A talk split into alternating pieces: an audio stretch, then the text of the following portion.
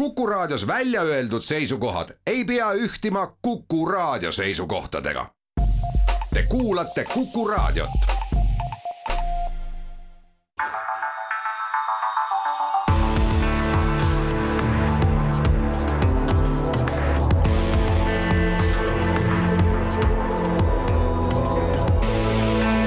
olukorrast ajakirjanduses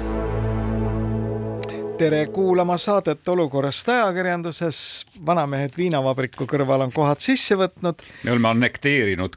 Kuku raadio stuudio. jah. täna hommikul mina näiteks allkirjastasin, allkirjastasin paberi, mina annekteerisin oma mõlema naabri korteri, nad veel seda ei tea, aga küllap, kui nad töölt ka koju tulevad, siis nad saavad sellest teada. me vida-, me kohalolevate inimeste seas viisime läbi rahvahääletuse ja selle tulemus oli sada kaks protsenti aga see, aga sellest natukene me kavatsemegi rääkida, et äh, peale nüüd eelmise nädala sündmusi, millest muidugi kõige põnevam komöödiaetendus oli see, mis toimus Moskvas. kõigepealt muidugi see vahva referendum, kus siis püssimeeste saatel käidi mingi valimiskastiga ukselt uksele ja kästi sinna mingi sedel lasta. muide hääletasid ka okupatsiooniväed et need väed, kes olid tulnud siis äh, territooriumi okupeerima, said ka hääletada, et need territooriumid on nüüdseks siis nende riigi omand. samas öeldakse, et väga tore oli see kõik. ma ei tea, kuidas on, sest teisipidi väideti, et hääletajate seas olid ainult, ainult naissoost isikud, sest mehed olid kõik mobiliseeritud ja rindele viidud no igal juhul tegemist oli muidugi tõelise komöödiaetendusega, mis siis kulmineerus Moskvas, kus siis äh,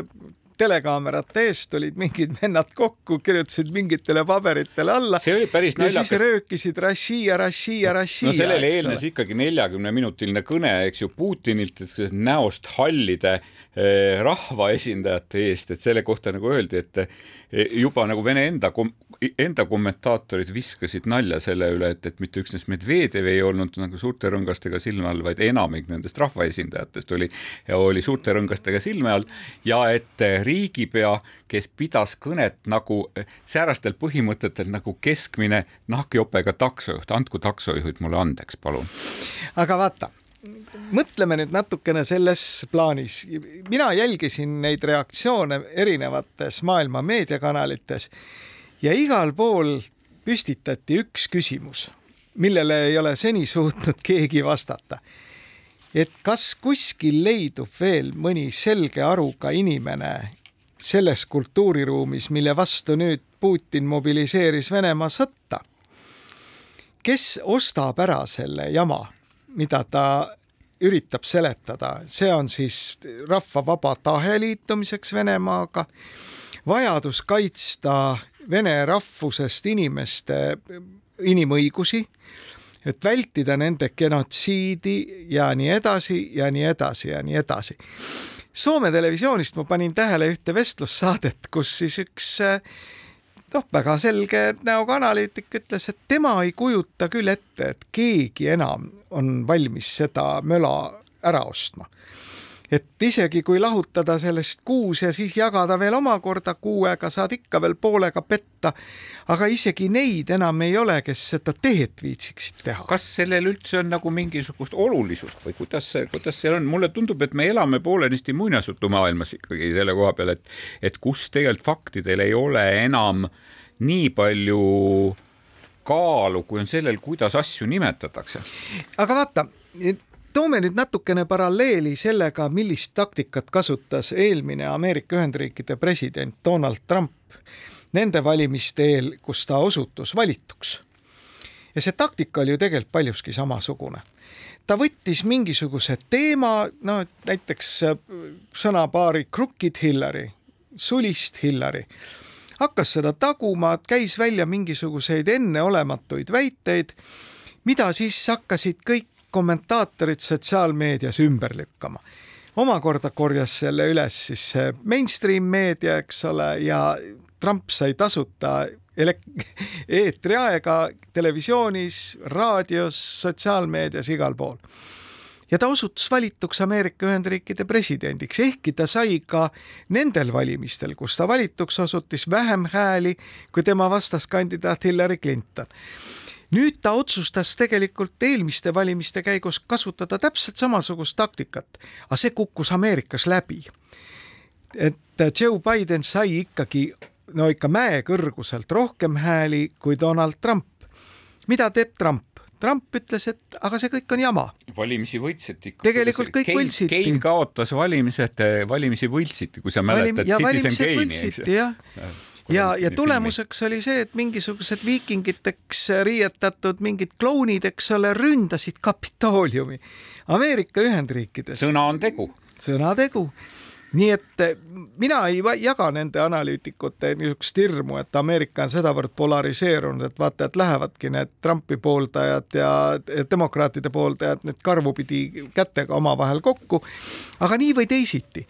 ikkagi on kuskil olemas mingisugused need nupud, millele vajutades sa saad selle lolli massi liikuma ja uskuma no. seda, mida sa räägid ja sinu poolt hääletama. no kui me meenutame nüüd seda, mis toimus, mis meil toimus ühtepidi äh, seal Kremlis ja siis Kremli, Kremli lähedal Punasel väljakul, et siis, siis see on no suhteliselt sarnane skeem, et tegelikult, et sulle kõigepealt tuuakse bussidega ja nagu me nägime, kogu see Punase väljaku ümbruskond oli täidetud, bussid tuuakse kohale kõikide riigieelarveliste asutuste töötajad, kes peavad ennast, kes peavad ennast vallandamise ähvardamisel korraks näitama seal sellel üritusel.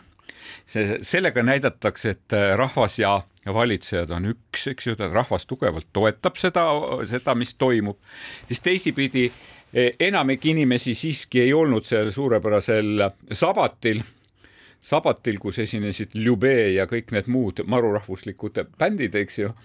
vaid äh, nad vaatasid seda televisioonist ja ka selle kohta on tegelikult liikvel nüüd tegelikult väga jälle sotsiaalmeedial mingis mõttes on tore, on tore jõud, et, et seal näidatakse tegelikkuse ja selle näidatud või loodud tegelikkuse erinevust, et, et on näidatud äh,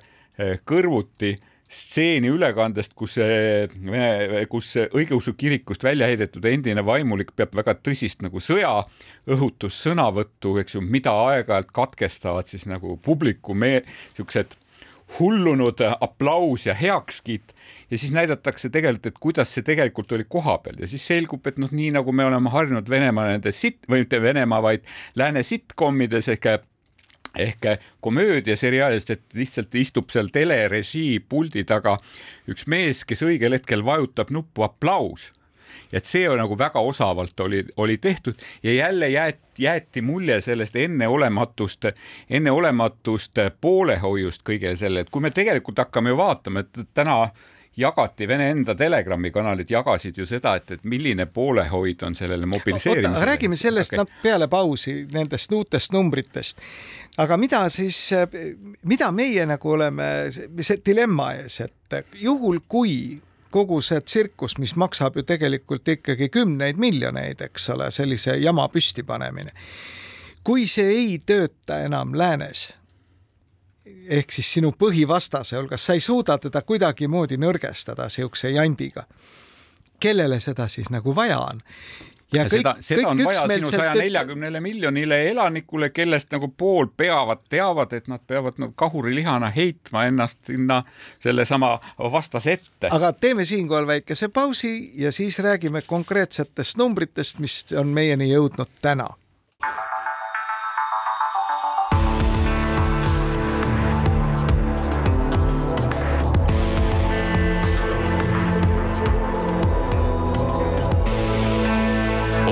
olukorrast ajakirjanduses. Väino Koorberg ja Rein Lang Vanamehed viinavabriku kõrvalt äh, räägivad ajakirjandusest.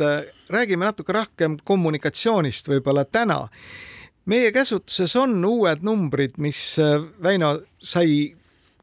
Vene, Venemaalt otse vahetult enne saadet ja need on iseenesest päris kõnekad ja huvitavad.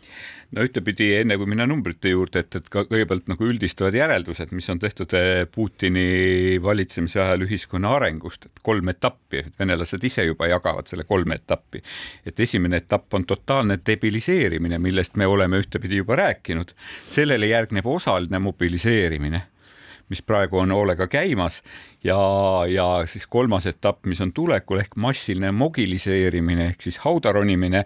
ja selle kohta on tegelikult siis uuringufirma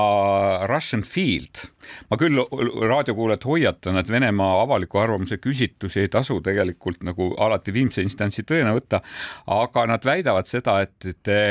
et rohkem kui pooled venelased ei usalda kaitseministeeriumi andmeid Vene armee kaotuste kohta vaid, vaid kolmkümmend kuus protsenti leiavad, et, et hukkunud sõdur, Ukraina rinnetel hukkunud sõdurite arv ja see viimane arv, nagu me mäletame, oli kahekümne esimesel septembril, kui kaitseminister Šoigu mobiliseerimisteate järel teatas, et meil on viis tuhat üheksasada kolmkümmend seitse hukkunut seal Venemaal, eks ju. et see arv on eh, eh, kolmkümmend kuus protsenti, see ainult usub, et see arv on õige et, et enamik loeb ehk viiskümmend neli protsenti loeb selle fake uudiseks või valeuudiseks ja, ja, ja kõige vähem usuvad kolmekümne viie, neljakümne nelja aastased, kakskümmend kuus protsenti ja enim loomulikult eakad inimesed kuid ka kuuskümmend pluss vanud, vanade inimeste seas on, on siis ametlike kaotusnumbrite uskujate ja mitteuskujate eh, protsent peaaegu sama et, et nelikümmend viis protsenti usub ja nelikümmend kolm protsenti ei usu. ja selle kõrval on siis muidugi teine küllaltki kainestav number, et vaatamata sellele, et ma ei usu, et seal inimesed, et nii vähe meie sõdureid on surma saanud, venelased siiski arvavad, et kuuskümmend kaks protsenti küsitletud meestest ütlevad, et kui kutse tuleb, on nad siiski valmis sinna äh, sõjakomissariaati minema ehk siis kaks, ligemale kaks kolmandikku on valmis osalema demogilisatsias De,. Demogiliseerimises jah,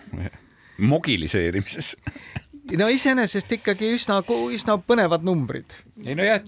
selles mõttes, et see nagu see vastasseis, et, et, et siin kohapeal, et noh, tegelikult täiesti suur vahe on loomulikult sellel ametlikul meedial, mis Venemaal veel noh, ütleme siis riigimeedial, kuigi ka sinna on jõudnud teatavad, teatavad värinad, et, et möödunud nädalal oli tegelikult väga tähelepanuväärne see, et kõik märkasid, et Margarita Simonjan teenistuse Russia Today, eks ju, niimoodi ikkagi juhtu, hakkas ühel hetkel väga teravahäälselt kritiseerima kogu seda mobilisatsioonikorraldust ja siis mingis teises sõnavõtus kutsus kõiki nii ajakirjanikke, riigimehi, poliitikuid, äkki, et me saame sõjast võitu, kui me räägime tõtt, et räägime ainult tõtt ja siis saabus ka seletus, et miks ta äkki nii kriitiline mobilisatsiooni suhtes on. et eh, need propagandatöötajad olid arvanud, et, et nemad pääsevad sellest üldisest mobilisatsioonist ja seepärast oli Russia Today täiesti rahumeeli saatnud oma töötajate nimekirja kohalikku sõjakomissariaati, vot need on need inimesed, eks ju, kes meil siin töötavad niimoodi. Ja see oli siis esi, üks esimesi täielike korralike andmetega varustatud nimekirju mille põhjal oli väga hea tegelikult kohalikul sõjakomissariaadil saata kutseid välja, ühel hetkel hakkasid Russia Today kõigepealt autojuhid ja kaameramehed, aga siis ka väiksemad ajakirjanikud saama mobilisatsioonikutseid, noh, kuigi neid võib-olla tagantjärele pärast siis asjaolude täpsustamisel võidakse, võidakse eh, tühistada, aga et propagandatöötajad omal nahal hakkasid siis nagu tundma seda, et mis see tähendab tegelikult. Ja täpselt seesama, et mulle tundub, et selles avalikus arvamuses mingisugune murrang seoses selle mobilisatsiooniga siiski toimub eh, just seetõttu, et nüüd see on mu oma naha lähedal, et siiamaani nagu olid ju need mingisugused palgasõdurid, kes seal võitlesid ja neile oli see palga sisse ette nähtud, et nad seal surma saavad aga ühesõnaga, me oleme tänases situatsioonis, et kogu need sajad miljonid, mida on kulutatud selle propagandaaparaadi ülalpidamiseks, selleks, et mõjutada moel või teisel selle roiskunud ja paha lääne ühiskonna eliiti, otsustajaid olema kas siis neutraalne Vene-Ukraina sõjas või isegi kalduma Vene poolele või siis ostma ära selle loogika, et kui venelased kontrollivad kaheksateist protsenti Ukraina territooriumist, eks ole, ja tervet sellist maavarade rikast regiooni nagu Donbass, et siis teeme rahu. Et siis on kaks aastat jälle aega, kuni venelased saavad ennast koguda, et järgmist ofensiivi ellu viia. nüüd see ei tööta, enam ei tööta nüüd siis on see teooria, nii palju kui kõiki vaatlejaid, mida mina jõudsin siin paari päeva jooksul vaadata, kuulata, kõik jahusid sellest, et see on mõeldud siseriiklikuks tarbimiseks, kogu see tsirkus seal Kremlis, kõik see suur Kremli ees olev miiting ja need laulud ja kõned ja. no ma ei et..., ma ei kujuta ette, kuidas seda oleks saanud välisriiklikuks, välismaiseks tarbimiseks üldse nagu suunata. ja ongi, et see on et, nagu tühi loos, eks kas tõesti, kas siis tõesti, nojah, see võib-olla on sedavõrd, et, et me nägime, me nägime tõepoolest päris mitmes riigis ikka endiselt tuli, kas siin Venemaale või Venemaalt mujale elama asunud venelased või siis vene, turistina mujale kolinud venelased kippusid ikka neid lippe lehitama. aga see aga see nagu sõnum, aga see sõnum, et neid väga kiiresti nagu üle piiri tagasi sinna oma sõjakomissariaadi eh, meelevalda saadetakse, et see on ka kohale jõudnud tegelikult, mulle tundub. Ei, mulle tundub ka, et vaat nüüd hakkab see, see mõttekoht tekkima, ma kujutan ette kõigil nendel, kelle käes on see pastapliiats, mis eraldab neid miljoneid, eks ole. Et kui see läänes enam ei tööta, me räägime ka siin paarist narratiivist lähimas paari minuti jooksul, aga kui ta enam siseriiklikult ka ei tööta, ehk me saame täna numbri et sisuliselt ainult kolmandik inimesi usub seda möla, mida see kaitseministeerium inimestele räägib sellest sõjast. no ta usub jah seda, et kaks meil nii vähe sõdureid surma sai. kaks kolmandikku juba suhtub sellesse kriitiliselt, järelikult ka see siseriiklikuks tarbimiseks mõeldud jutt, see ka enam nagu ei päde no,. siis, siis kellele seda siis nagu tehakse? ei no aga siseriiklikult on tegelikult nüüd tulnud ikkagi uus narratiiv ja, ja, ja no selle kohta on ka väga palju ajakirjanduses materjali olnud, et, et ega Venemaal ei tohi toimu midagi nagu niisama ja juhuslikult ja midagi ei jäeta ka ajakirjanduses või niinimetatud ajakirjanduses, Venemaa ametlikus meedias juhuse hooleks, et et need niinimetatud metoditškad või metoodiline juhend, kuidas kajastada kogu seda mobilisatsiooni teemat, et et see on, need jutupunktid on tulnud nii poliitikuteni, aga need jõuavad ka selle riigimeedia asutusteni ja no seal on täiesti selgelt kirjas, et eks ju, tähendab, ehk et me võime nagu, me,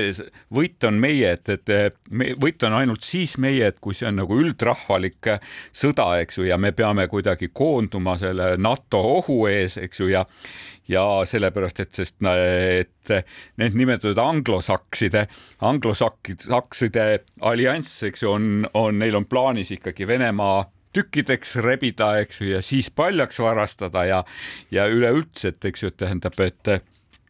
et sõda on juba meie territooriumil, selleks oli seda vaja võib-olla tegelikult, et siseriiklikult kuidagi, kuidagi seda õigustada ja teisipidi noh, see, seda narratiivi oleme me juba ammu näinud, et me ei sõdi ammu enam Ukrainaga, et eks ju need, kes meile seal kolki annavad, need ei ole ukrainlased, eks ju, kes vapralt võitlevad, see on ikka terve NATO, eks ju, annab meile peksa seal ja, ja kui see, kui te peaksitegi mobiliseerima, võtke rahulikult, et see on kõigest üks protsent, eks ju, elanikest, et need on ka niisugune nagu toimub nagu rahustamine. Need on niisugused jutupunktid ja ma näen neid jutupunkte nii selles poliitikute esitamises, esitlustes, eks ju, ma näen seda meedias ja kahetsus kahetsusväärselt ma näen seda, et see jõuab ju tegelikult ka lääne meediasse, päris mitu, päris mitu arvajat ju räägib siin sellest ja näiteks sellesama ühe protsendi jutu tõi ka, tõi ka Vene saadik, eks ju, Õhtulehele antud intervjuus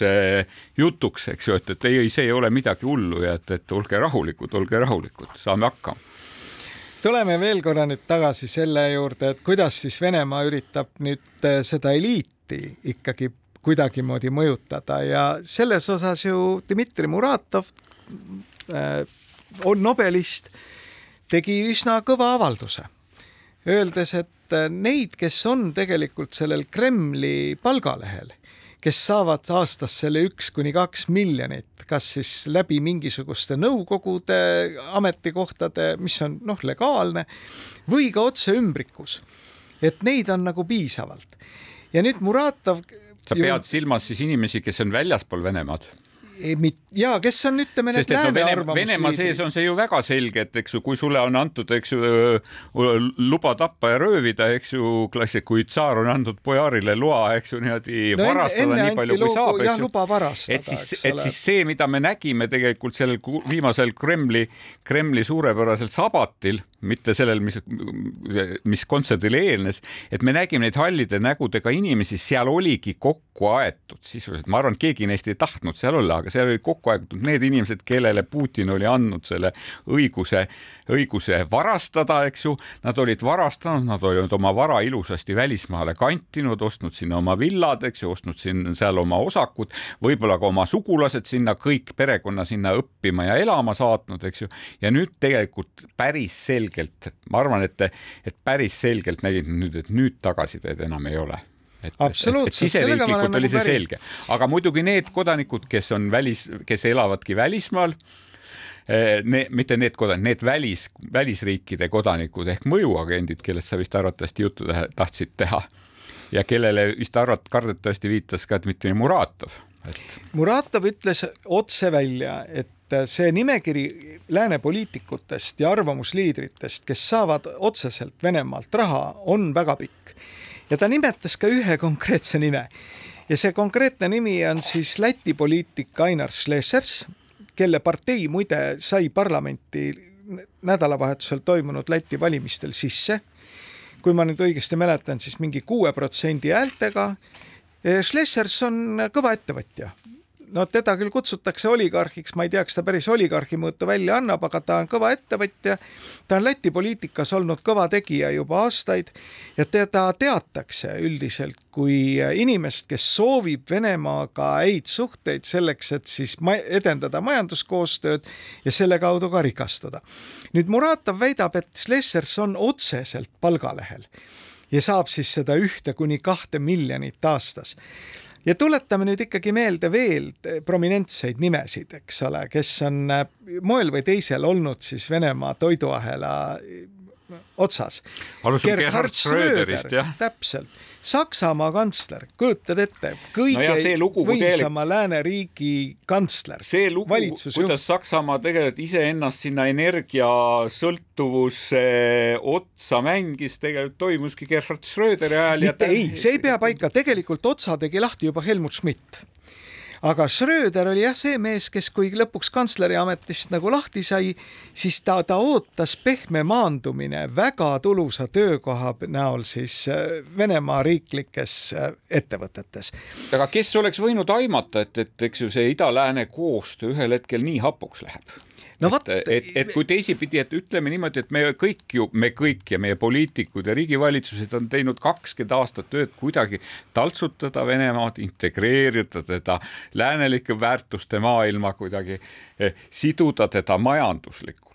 ja siis ja, ja ise selle juures märkamata, et Venemaa tegelikult sidus meid ja surus meile pea, peale omaenda väärtusi. see, mida tegelikult ütleb Dmitri Muratov ehk siis Nobeli preemiaga pärjatud ajakirjanik, on see, et see ei ole see klassikaline ettekujutus, mis on valitsenud lääne ajakirjanduses. et meil on ideoloogia, ideoloogiline ja maailmavaateline küsimus, et kui me teeme venelastega äri et siis venelased nagu taltuvad ja ei sõida tankiga meie hoovi peale, eks ole, tekivad vastastikused sõltuvussuhted, mis tsiviliseerib Venemaa. Mida väidab Muratov, on see, et tegelikult on tegemist lihtlabase altkäemaksuga ehk venelased on võtnud riigikassast õigemini sedasama raha, mille, mida sakslased on maksnud gaasi eest ja maksnud nende poliitikutele selleks, et ette valmistada seda maailmavallutuslikku plaani. aga teeme siinkohal väikese pausi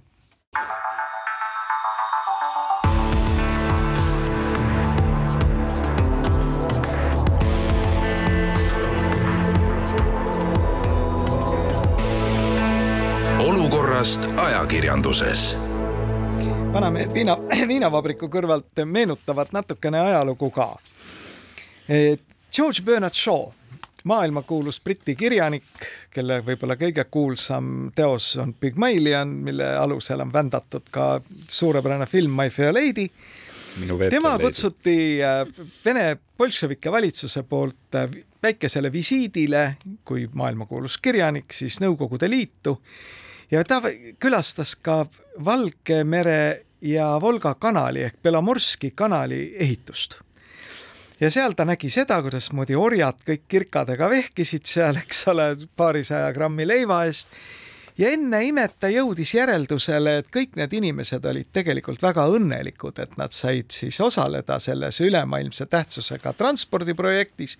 olid väga rahul ja olid seal täiesti vabatahtlikult. aga võib-olla me võime sama paralleeli tõmmata, et tegelikult kõik need kinnipeetavad, kes Venemaa kolooniatest praegu nüüd äh, erinevate lainetega sinna palgasõdurite firmasse Wagner teenima läksid, et need tegelikult ka põlesid suurest soovist, eks ju, kuidagi omaenda süütunnet leevendada ja, ja, ja, ja maksta võlga ühiskonnale ja, ja, ja minna nüüd Ukraina rindele sõdima. muideks, seal on üks tore et kas, lugu veel. kas me selle, kas me selle narratiivi ka alla neelame või? muide, sellega on veel üks tore lugu, et meenutame seda, et kui äh, Vene ajakirjandus, muide, Vene ajakirjandus esimest korda tõi välja selle fakti, et keegi Prigožin, kes, kelle füsionoomia on juba nagu Lombroso raamatust, eks ole äh, kui ajakirjandus väitis, et see mees loob eh, eraarmeed, kes saab oma ülesandeid Kremlist, et näidata maailmale, et ei, et ametlik Venemaa ei oma siin mitte mingit rolli. et need on mingisugused turvafirmad, mis maailmas sigadusi korraldavad, need olid Kesk-Aafrika, Mali, igal pool. ja aga nüüd selgub, et nagu Vene seaduste järgi palgaarmee loomine oli täiesti oli ebaseaduslik ka Venega. eitas seda kategooriliselt ja, ja kuna ajakirjandus kirjutas, et tegelikult väga mitmed ajakirjanikud ja väljendajad mõisteti kohtus süüdi. ja et viimane, viimane juhus oli ju tegelikult kaks tuhat kakskümmend minu meelest, kui ma õigesti mäletan seda, et, et või kas viimane või aga no Eho Moskvõ, päris, päris selgelt ma tean, et nüüd pärast Prigožini avaldust, et jah, tõepoolest mina olen selle Wagneri taga, eks ju niimoodi, et ma äh, vältisin seni oma sidemeid tunnist, tunnust, tunnistamast, sest et ma tahtsin Venemaa patrioote ka, kaitsta, eks ju, et, et nüüd on nende advokaadid, see Eho Moskva advokaadid esitanud taotluse, et kohus peaks oma otsuse üle vaatama, sellepärast et, et Aleksei Venediktov no sai valeväidete, väidete, valeväidete avaldamisest kohtus süüdi mõistetud tegelikult ja, ja ja, ja trahvi on maksnud ka tegelikult publitsist Viktor Senderovitš, kes on, kes on, kes on samamoodi Prigožini kohta ühte, teist ja kolmandat öelnud, et, et nüüd me näeme seda, et kuidas siis hakkab see Vene õigusemõistmine Vene moodi välja nägema. ja see on see, kuhu ollakse täna välja jõudnud, ongi siis juba Goebbelsist pärit Eh, teooria, eks ole, et tõde ei ole olemas, tõde on igal juhul relatiivne ja vale peab olema nii suur, et ta muutuks nagu usutavaks. kusjuures ta muutub usutavaks ainult teatud inimeste kihile keda meil ongi vaja selles vallutussõjas või siis nagu Goebbelsil oli vaja tegelikult seda sakslaste kihti, kes oli valmis sellele peale rullivale Punaarmeele vastu astuma niisama on siis täna, eks ole, Prigožinil tarvis seda kahuriliha, et kuidagi vastu pidada seal Ukraina rindel ja see on, tõde on igal juhul relatiivne. et heale, heale raadiokuulajale peaks ütlema, et siin kaks saadet tagasi ma nii hirmsasti tahtsin saate lõpuks mängida sellesama eh, erasõjafirma Wagneri reklaamlugu, mida tegelikult tegelikult mängiti Venemaa televisioonis ja selle peale isegi palju näinud venelased ütlesid, et nad ei ole seda, niisugust asja näinud, et riigitelevisioon edastab palgas, palgaarmee värbamiskutse ja no see oli, see oli, olgem ausad, et see oli väga moodsalt tehtud, Rein Langi muusikaline maitse seda loomulikult, eks ju, alla ei neelanud. ta nimetas seda tehniliseks praagiks, ütleks niimoodi. aga see sisaldas siis tõepoolest noortele meestele oma üleskutset oma elu huvitavaks teha ja, ja tulla ja hakata ukrainlastega, asuda ukrainlastega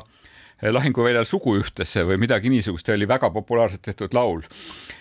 no eks ta omandab praegu vist täiendavat populaarsust, aga tuleme korraks nüüd veel kord Muratovi nimekirja juurde, et Muratov on praeguseks välja käinud ühe konkreetse nime, eks ole, siin Baltikumis ma millegipärast arvan, et tal on mingid dokumendid, et Muratovi sarnane mees ei saa ehku peale välja tulla nimede väljaütlemisega, nii et ju tal midagi kuskil seifis sum, suvalises maailmapunktis on olemas. kas meil võib olla sellega kuidagi nagu seotud see, et, et, et sa mäletad siin mõned nädalad tagasi eh, Ukraina äh, kodanik Medvedtšuk vahet, vahetati suure hulga vist viiekümne viie Aasovi võitleja vastu, eks ju, Putini e-, enda käsul ja, ja selle peale tegelikult Ukraina äh, pool ütles, et oh, et ega meil teda vaja ei ole, me saime tema käest kätte kõik, mida me tahtsime, ehk et ülekuulamisel me saime tema käest väga palju informatsiooni, kuidas toimus see nagu see vaikne värbamine või, või kinnimaksmine, see, see nendest imelistest summadest on väga palju räägitud äh, ja, ja, ja selle nagu vahendusisikuks oli Vetveitšuk, et võib-olla sealt nagu mõni infokübe jõudis no ega oleme, meenutame seda, et veel päris sõja alguses ju avaldas Ukraina luureteenistus terve nimekirja FSB ohvitseridest, eks ole, kes enam ei saa vabalt kuskil maailma nurgas tegutseda, aga mul tulevad, tuleb kaks nime meelde siit lähikonnast, et Soome peaminister Esko Aho, kes oli pikalt Rossbanki nõukogus ja kohe, kui sõda algas, tõsi, ta taandus sellest, ütles, et tema enam ei saa niisuguses operatsioonis osaleda. aga ikkagi, tahtmatult või tahtlikult, seda on nüüd raske hinnata, seda teab ainult Esko ise.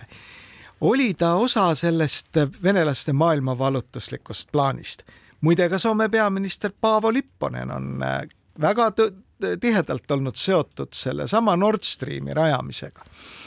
nii et kui me vaatame neid Soome poliitikuid, siis neid, kes on, ütleme, venelastega heades suhetes olnud ja selle pealt ise teeninud, on omajagu olnud ma ei hakka siin loetlema kõikvõimalikke toredaid lääne poliitikuid, kes on e-, edendanud neid Kremli jutupunkte. aga miks me oletame, et neid ümbrikke ja kindlasti mitte ühte kuni kahte miljonit aastas, mida Muratov ütleb, vaid need summad on tõenäoliselt väiksem, ei ole kanaliseeritud ka lääne juhtivate väljaannete ajakirjanikesse või vastutavatesse väljaannetesse selleks, et mingil moel neid jutupunkte tagada, eks ole. et isegi praegu me avastasime ju, no see oli ikka täiesti kurioosum, kui uudisteagentuur Reuters äkitselt kasutas seda referendumit kui täiesti sellist terminit, mis sellest lääne inimene no see on, see on võib-olla natuke midagi muud, ma nüüd olen kaugel mõttest, et, et Kreml nagu läks ümbrikutega Reutersi juhtide juurde ja, ja ütles, et nüüd te laulate meie laulu, et pigem on seal, pigem on seal küsimus selles, et, et, et ajakirjanikul on nagu just sõjakonflikti puhul väga oluline jääda nagu neutraalseks, jääda objektiivseks. Ja sellel hetkel, kui ta nagu püüdleb klassikaliste ajakirjanduslike standardite järgi seda tasakaalu ja objektiivsust, ta tegelikult muutub ebaobjektiivseks, sellepärast et üks pool ei ole objektiivne ja ei tegutse nagu ettearvatud, ettearvatavate reeglite järgi. Ja selle kohta tegelikult möödunud nädalal väljaanne Kiev Independent on äh, avaldanud väga tugeva avaliku kirja ajakirjanduse poole, ta ütleb, et lõpetage Vene propaganda keele kasutamine kui te räägite Ukraina sõjast. Ja ta toobki näiteks sellesama äh, Ukraina okupeeritud territooriumitel toimunud referendumi teema, kus tõesti, tõesti alguses Reuter raporteeris sellest kui nagu tõsimeelsest referendumist, täpsustamata hetkekski seda, et, et see referendum toimus tegelikult püssitorude eh, surve all, eks, et see oli täiesti ebaseaduslik, see ei vastanud ühelegi referendumi jaoks olulisele tingimusele ja reeglile, et Reuters tõesti oma pealkirja eh, mõni hetk, mõni aeg hiljem pärast seda, kui juba nagu Twitteri avangard mõõga tõstis, eks ju, muutis ära, aga, aga neid näiteid, kuidas me juba paljalt sellega, et kuidas me püüame neutra-, eemalolijana just nagu neutraalselt vaadelda selle sõja nagu mõlemat poolt, kuidas see tegelikult äh, annab nagu trumbi Putinile kätte, et no siin oli samamoodi, et, et ka France, Radio France, eks ju, täpselt samamoodi rääkis sellest referendumist kui nagu tõsimeelsest referendumist ja nii edasi ja nii edasi, et, et selle üleskutse lõpus tegelikult siis väljaanne on toonud ka nagu terve nagu hunniku ütleme, et esitasime teile spikri et kuidas Kremli propagandat, eks ju, oma nagu artiklite keelest välja filtreerida, see on selge, et ta ütleb, et ei ole mingit Ukraina konflikti ega Ukraina kriisi, on Venemaa sõda Ukraina vastu. ei ole mingit Vladimir Putini sõda et on Venemaa sõda Ukraina vastu, eks ju. ei ole mingit Venemaa eh, spetsiaalset sõja, sõjalist operatsiooni, seal on Venemaa agressioon Ukraina vastu, eks ju. ja Venemaa sõda Ukraina vastu ei alanud kahekümne neljandal veebruaril kaks tuhat kakskümmend kaks, et see algas kaks tuhat neliteist, kui, kui Venemaa tungis sisse ja okupeeris Ukrainas Krimmi ja Donbassi, eks ju, tähendab. ei ole mingit Donetski äh, rahvavabariiki ja Luganski rahvavabariiki, vaid on Venemaa poolt okupeeritud territooriumid äh, Donetski ja Luganski oblastis, et ei ole mingeid Ukraina separatiste, vaid on, vaid on Venemaa poolt makstud ja paika seatud, eks ju, sõjaväelased okupeeritud territooriumitel, ei ole mingisuguseid venemeelseid ametiisikuid, äh, kubernere, linnapäid, vaid et need on samamoodi Vene võimu poolt ametisse pandud nukuvalitsus selles, selles, et, et, et ei ole neid eh, separatistlikke piirkondi ja ei ole mingeid, eh, ei ole võimalik mingisuguseid referendumeid ja hääletusi teha, kui, et need on kõik nagu lavastused ja nii edasi ja nii edasi, et, et ja ütles ka, et ta hoiatas ajakirjanikku, et ärge tõmmake võrdlusmärki, et, et protestid ja, ja, ja, ja, ja see, et, et inimesed mobilisatsiooni eest ära põgenevad, ei tähenda seda, et, et need on sõjavastased protestid, mis oli minu meelest väga märkimisväärne. tõepoolest, et suur, me ei saa öelda, et kõik need inimesed, kes mobilisatsiooni hirmus eh, Venemaalt põgenevad, et need oleksid automaatselt sõjavastased no absoluutselt, minu meelest, et eh, Balti riigid ja Poola tabasid selle kohe ära ja panid oma piirid kinni, soomlased ei tabanud kohe ära ja hetkel on neil tegemist umbes neljakümne tuhande pealise Vene eh, no ma ei nimeta neid põgenikeks, ma nimetan neid eh, ajutiselt seal viibivateks Vene kodanikeks, kelle puhul hakkab varsti tekkima küsimus, et kes nad ikka tegelikult on palju hullemas olukorras on Gruusia, mis on täiesti üle ujutatud, ka noortest meestest Kasahstan ja nii edasi. aga selle ploki lõpuks oleks minul igal juhul üks ettepanek ka kõigile Eesti ajakirjanikele, et tuletage nüüd ikka meelde kõik need ka Eesti arvamusliidrid, ajakirjanikud, kes on olnud nagu selle ideoloogia esindajad, et ajame venelastega äri ja kui me ajame nendega äri, siis on rahu ja õnn maa peal.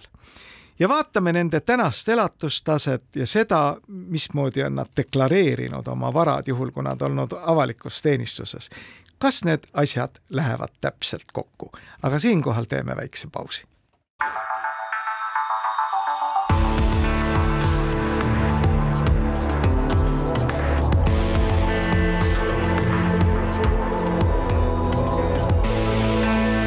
olukorrast ajakirjanduses.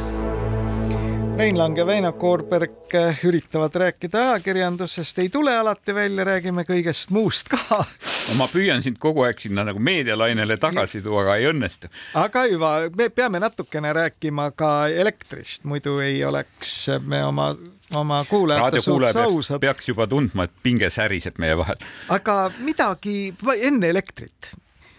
tore uudis tuli meile Aktuaalsest kaamerast, kus, mis luges ette riigifirma, raudteefirma Elroni teadaande, kust me saime teada et, et nelikümmend viis protsenti Eesti elanikest kasutab vene keelt. siis äh, väga pikk ja põnev lugu oli muidugi Anton Vaino ema majast Lõhusalus ma ei tea, kas kellelgi oli plaanis hakata seda maja näitamise eest pileteid müüma, aga igal juhul kõik saime teada, et Anton Vaino emal on Lohusalus maja. ja Postimehe kolumnist Tarmo Pikner Postimehes teisipäeval, kahekümne seitsmendal äh, septembril jätkab ilusat Eesti traditsiooni ja valas Soome peaministrile solgiämbri pähe. aga räägime elektrist. Äh, räägime elektrist ja sel nädalal siis äh, ilmus teade universaalteenuse hinnast, saime ka teada sellest, et Eesti Energia ja Konkurentsiamet kaklevad omavahel. Eesti Energia oleks tahtnud kõrgemat universaalteenuse hinda, Konkurentsiamet polnud päri, Eesti Energia. Eesti ütleb, Energia oleks tahtnud, et, et äh, universaalteenuse hind oleks kujunenud äh, börsil, ma saan aru minule meeldis kogu selle asja juures kõige rohkem üks pisike detail mulle tuleb meelde see, et kogu see universaalteenuse jutt algas ju poliitilisel tasemel. erakond Isamaa tuli lagedale sellega, et peaks tegelikult tegema niisuguse asja, et kui on energiakriis, siis peaks riik jõuliselt omaenda tootjale kehtestama mingisuguse kindla hinna, mis on põhjendatud hind, et nad tõesti pankrotti ei läheks ja selle hinnaga peaks siis jaetarbijad saama osta elektrit ja see hind peab olema stabiilne. kordan, kes aru ei saanud, stabiilne ehk inimesed saaksid pikka aega ette arvestada oma Nii, plaane tehes. kas sa tõesti tahad, et inimestele jagatakse elektritalongid kätte? ei, ega noh, ma olin nagu algusest peale selle kogu selle värgi suhtes natuke kriitiline, aga samas jällegi, kui nüüd tekib niisugune majanduslik olukord, kus elektrienergia hind läheb ootamatult, läheb neli korda kõrgemaks ühe aastaga, siis see loomulikult põhjustab ühiskonnas mingi tohutu segaduse, nii et riik peab sekkuma paratamatult. see tegelikult põhjustab ka pingeid, kuigi see teisipidi, ma saan aru, et on alati, toob alati kasu ka riigieelarvele, sest suur osa sellest rahast tegelikult jõuab kaude või, või teistpidi meile riigieelarvesse tagasi. ja aga, aga see on nüüd nagu niisugune samasugune äri nagu müüa piiritust ja saadud raha maha juua eks ole, et sa ma müüd. mõtlesin, et varastada kast viina ja siis sealt see viin maha kallata, pudelid viia tagasi, eks ju, ja siis taara raha eest osta, osta viina, viina.. et see natukene meenutab, see paralleel on see, et, et ma ei tea, kuivõrd nagu see, kui me nüüd räägime, ma tahaks nagu ajakirjanduse teemat sellest, et kui mul on möödunud nädalast kaks tugevat sõnumit, mida ma tahaksin nagu ajakirjanduse poole ütelda ja vaatan tegelikult nõudliku pilguga Rahvusringhäälingu suunas, on siis ikkagi see, et ma ootan seda saadet või saatesarja eh, Rahvusringhäälingus, kus, mis aitaks meil kuidagi hakkama saada aitama, aidat-, aitaks inimestel hakkama saada, sest praegusel hetkel ma ei tea, käsi püsti siin stuudios, kes sai aru, kuidas täpselt toimub see universaalteenus ja kas ma peaksin selle teenuse võtma või mitte. kes annaks nõu sellele tavalisele inimesele, sellepärast et seda siiski seletatakse praegu pressiteadete ja jutupunktide ja tegelikult energiaettevõtete nõukogude ja juhatuste keeles. tavaline Malle Saluperest ei saa sellest mitte kübetki aru ja teine teema tegelikult möödunud nädalal nädalal oli ka riigikaitsekonverents, kus räägiti hästi palju kodanikukaitsest. mina ootan praegu, et see meil on nagu sõda Ukrainas on veebruarist saadik jäänud, ma ootan seda saadet või saatesarja, mis tegelikult õpetaks mulle sedasama kriisiolukorras toimetulemist. et ei ole see, et, et peaminister peab minema igal õhtul Aktuaalsesse kaamerasse õpetama, et kuidas kasutada eh, musti kilekotte siis, kui peldik ei tööta või et kuidas koerakonservist midagi süüa saab teha, eks ju, vaid et see oleks tegelikult süstemaatiline saade noh, mis võiks olla ühes normaalses avalik-õiguslikus televisioonis, avalik-õiguslikus raadios, mis õpetaks, selles mõttes seal, seal võib olla kõike seda toimetulemist, seal võib olla ka vanurite abistamist, seal võib olla ka tegelikult sedasama energia kokkuhoiu teemat, eks sest see on, see on kõik üks kodanikukaitse ja mulle tundub, et see talv saab olema nagu raske ees ja seda räägivad needsamad energiafirmad, kes praegu on hakanud rääkima, et, et gaasiga meil on ikka ebamäärane olukord, me ei tea, kas laev tuleb Soome või tuleb ta Eestisse Eestisse, kas ta üldse tuleb, kas toru sobib ja nii edasi. see, kuidas need tootjad ja vahendajad on hakanud meid ette valmistama raskusteks äh, minus küll suurendas veendumust, et vajadus säärase saate järgi on lihtsalt tõuseb. no aga ära nüüd tee ERR-ile liiga, ERR on äh, Eesti inimeste eest väljas ja on hankinud endale järjekordse BBC krimka, et aga ma mõtlesin, et mõtteid et, raskelt et, talvelt eemale viia. talvest räägib meile uus äh, ilma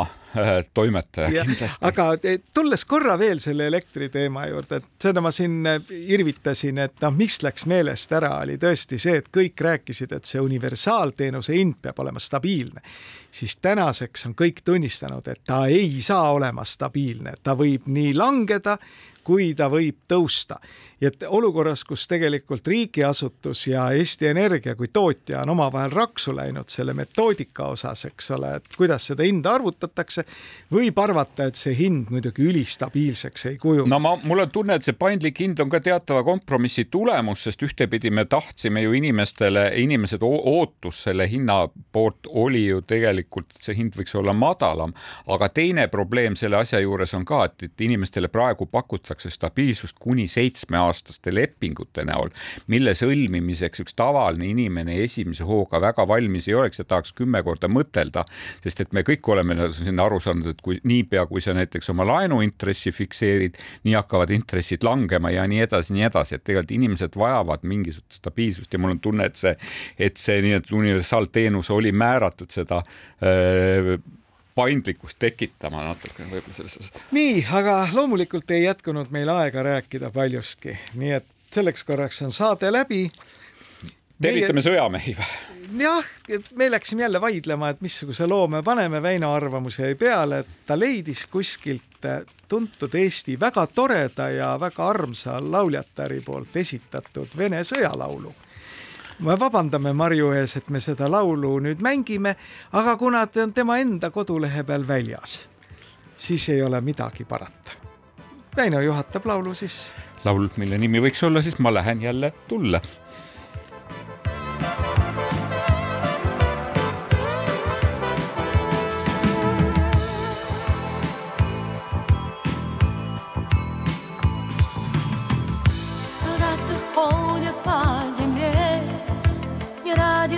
нашей славы, а хлеб опять везут с полей.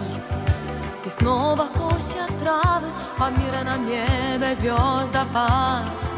Луна роняет весла, а на погонах у ребят. Лишь восемнадцать весен, лишь восемнадцать весен.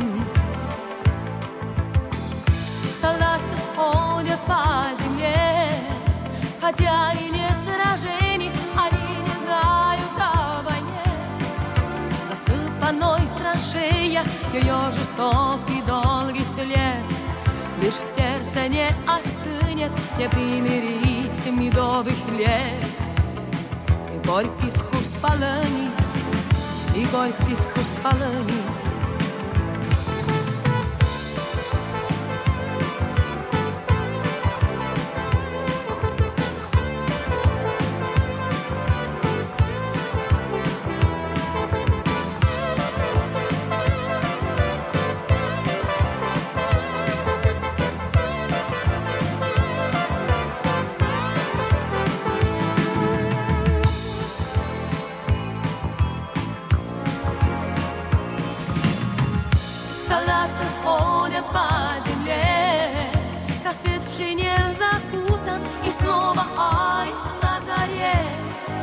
Детей несет кому-то Цветы таберчевой толпой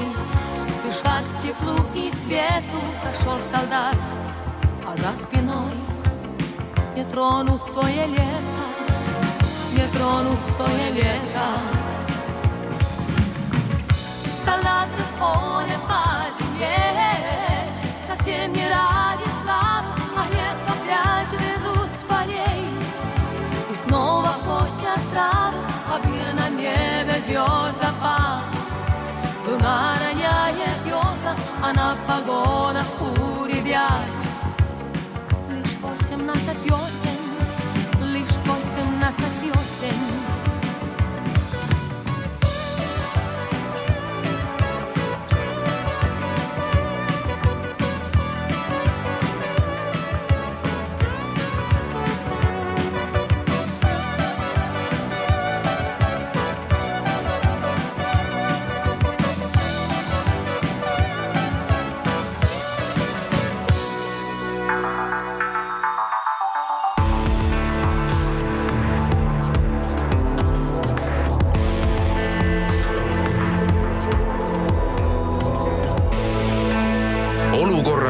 ajakirjanduses